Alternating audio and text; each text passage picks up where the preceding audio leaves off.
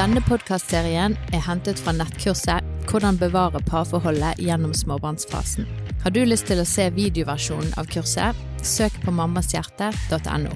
Vil du vite mer om Mammas hjerte, så følg oss gjerne på Snapchat, Instagram, TikTok og Facebook.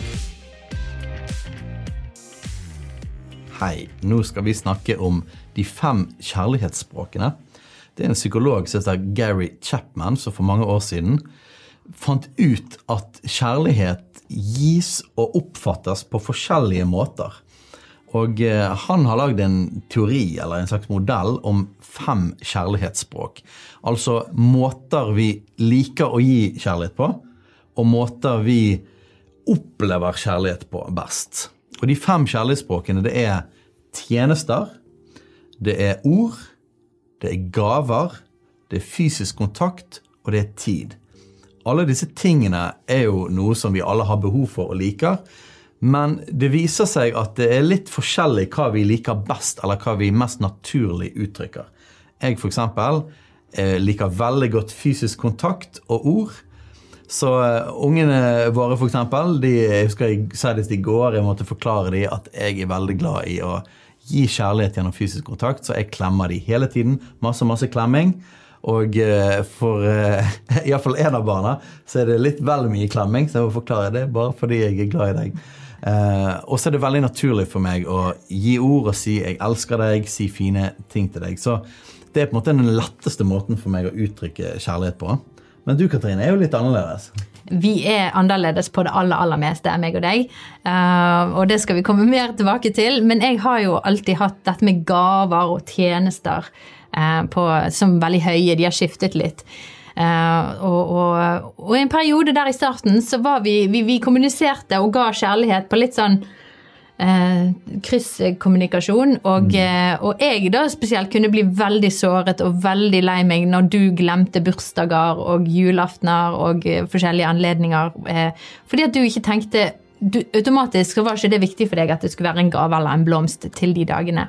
Og, litt, og, og utfordringen er jo det at man tenker gjerne at det som betyr mye for meg, sånn er det liksom logisk sett for den andre. Så for meg betyr ikke gaver så veldig mye. Jo faktisk at Noen ganger så var jo jeg frustrert for, for gaver du hadde kjøpt til meg. Jeg bare sånn, Vi har jo ikke råd til dette. Jeg ville blitt mer glad om vi hadde betalt en regning. Altså Gaven min skulle vært å betale en regning, da? ja, så, så det, det, ga meg liksom ingenting. Det jeg gjerne ville ha, var masse fine ord og masse klem og kos. Mye billigere òg, ja. tenker jeg. Men for deg så var dette med gaver hadde veldig mye å si, og det var en hard trening for meg. Fordi at uh, når jeg begynte å gi gaver til deg, og spesielt når jeg glemte det, det var jo verst, men òg når jeg skulle begynne å prøve å kjøpe gaver Jeg visste jo ikke hva jeg skulle gi engang. Jeg hadde liksom ingen naturlig drivkraft på det. Uh, så det tok faktisk mange år for meg å lære at det betydde masse for deg. Og la oss si en liten detalj inni her. Dette henger veldig sammen med forrige video. At kjærlighet er et valg. Fordi at det er veldig lett å gi kjærlighet på den måten som føles lett for meg. Ja.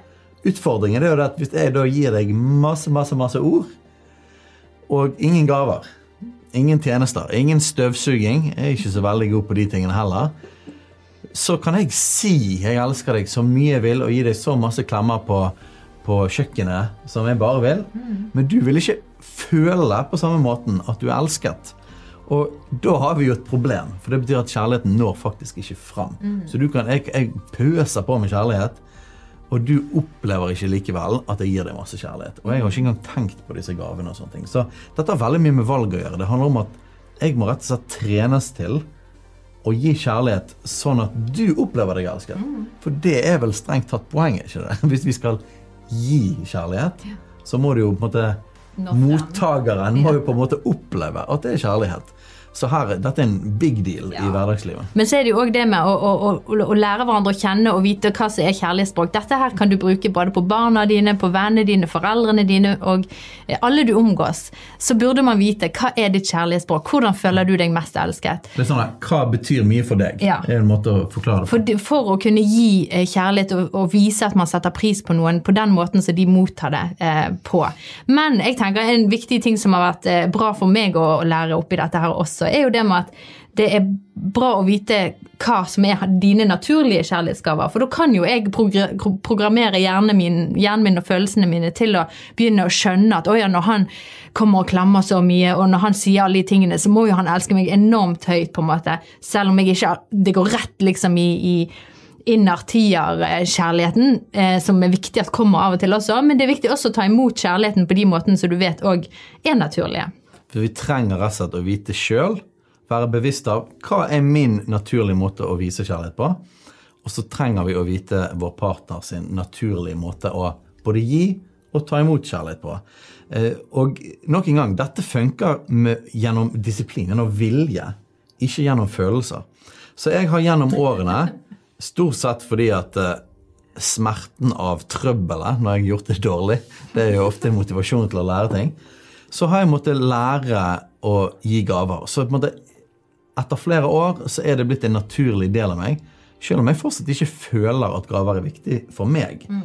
Så er det sånn at hver gang jeg er på en reise, f.eks., når jeg har reist en del med jobben, så um, har jeg alltid husket at jeg må huske å ha kofferten full av gaver. For, for Katrine så er det jo ikke engang eh, kvaliteten på gaven, det er ikke prisen. Nei, det, er, det er kvantiteten. Det er liksom mengden av stæsj. Ja. Og da gjelder det rett og slett å fylle kofferten med masse rare ting. Eh, og da føler hun seg så elsket. Eh, og så vet jeg jo det at det der med å støvsuge uten at hun har sagt det, det er jo helt utrolig hvor mye det faktisk føles. For meg er jo det liksom en død handling. Men her er faktisk et lite triks, da, et tips. Når jeg gjør noe som koster noe for meg, det vil si Kjøpe gaver det koster meg noe, for det kommer ikke naturlig. Støvsuge koster meg noe, for det kommer ikke naturlig. Når det koster meg noe, vil jeg faktisk påstå at det er dypere kjærlighet enn når det bare kommer naturlig ut av følelsene mine. Når den personen ikke bare det at det treffer kjærlighetsspråket, men at den personen faktisk vet at dette kommer ikke naturlig for deg, dette syns du er vanskelig, mm. da vil jeg påstå at personen vil føle seg mer elsket med at du gjør det. Så dette her, folkens, er en skikkelig god måte å vanne gresset, sånn at det blir grønnere. Og faktisk at følelser følger vilje. Og jeg vil også eh, hive inn der en liten sånn forventningsavklaring. At eh, vi er flinke og gode på å fortelle hva, hva, hva, er ditt behov, hva er din forventning, hva er det du trenger nå? Eh, og ikke bare gå og forvente at den andre skal plukke opp alle dine behov for eh, at nå trenger jeg en blomsterbukett, eller jeg, eh, nå trenger du en klem, f.eks. Men faktisk bare si det ut med ord. Eh, ikke på en sånn anklagende måte, men som vi skal komme litt nærmere inn på kommunikasjonsteknikk. men, men men bare si ut hva er det du trenger og behov for nå. Og der har jo jeg, eh, bare for å ta en episode, så har jo jeg flere ganger sagt at nå hadde det vært kjekt med en blomst. Det har vært lenge siden. Nå, det, nå trenger jeg en blomst i blomstervasen min. og, og, så, selv om den er faktisk bestilt av meg, jeg har sagt det, og på en måte, det blir ikke en overraskelse, på en måte, men selv om når du da kommer, eh, du har vært ute og handlet og husket på å ta med en blomst hjem, så, så kjenner jeg at det er det stiller noe enormt dypt i meg, da, for da vet jeg at du har gått utenom din vei, du har gjort noe som ikke kommer deg naturlig, eh, og du husker på og, du lyttet til det behovet jeg hadde, og så kom du og leverte den eh, rosebuketten. Og da føler jeg meg elsket, selv om det var så uromantisk som at jeg faktisk eh, bestilte den. Ja, så vi må rett og slett avkle enda en Hollywood-myte, ja. og det er det at kjærlighet på en måte er koblet til romantikk eller litt sånn der spontant. At alt skal mm. være spontant og finnes ut på egen hånd. Veldig ofte damer. Det gjelder menn òg. Men veldig ofte damer så er det sånn at ja, men du burde bare skjønt hva jeg ville ha.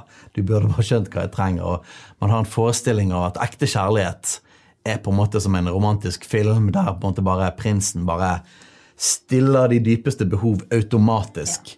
Men virkeligheten fungerer ikke sånn. Ekte kjærlighet, ekte relasjon, eh, er faktisk ikke, det er ikke like romantisk, men det er dypere kjærlighet.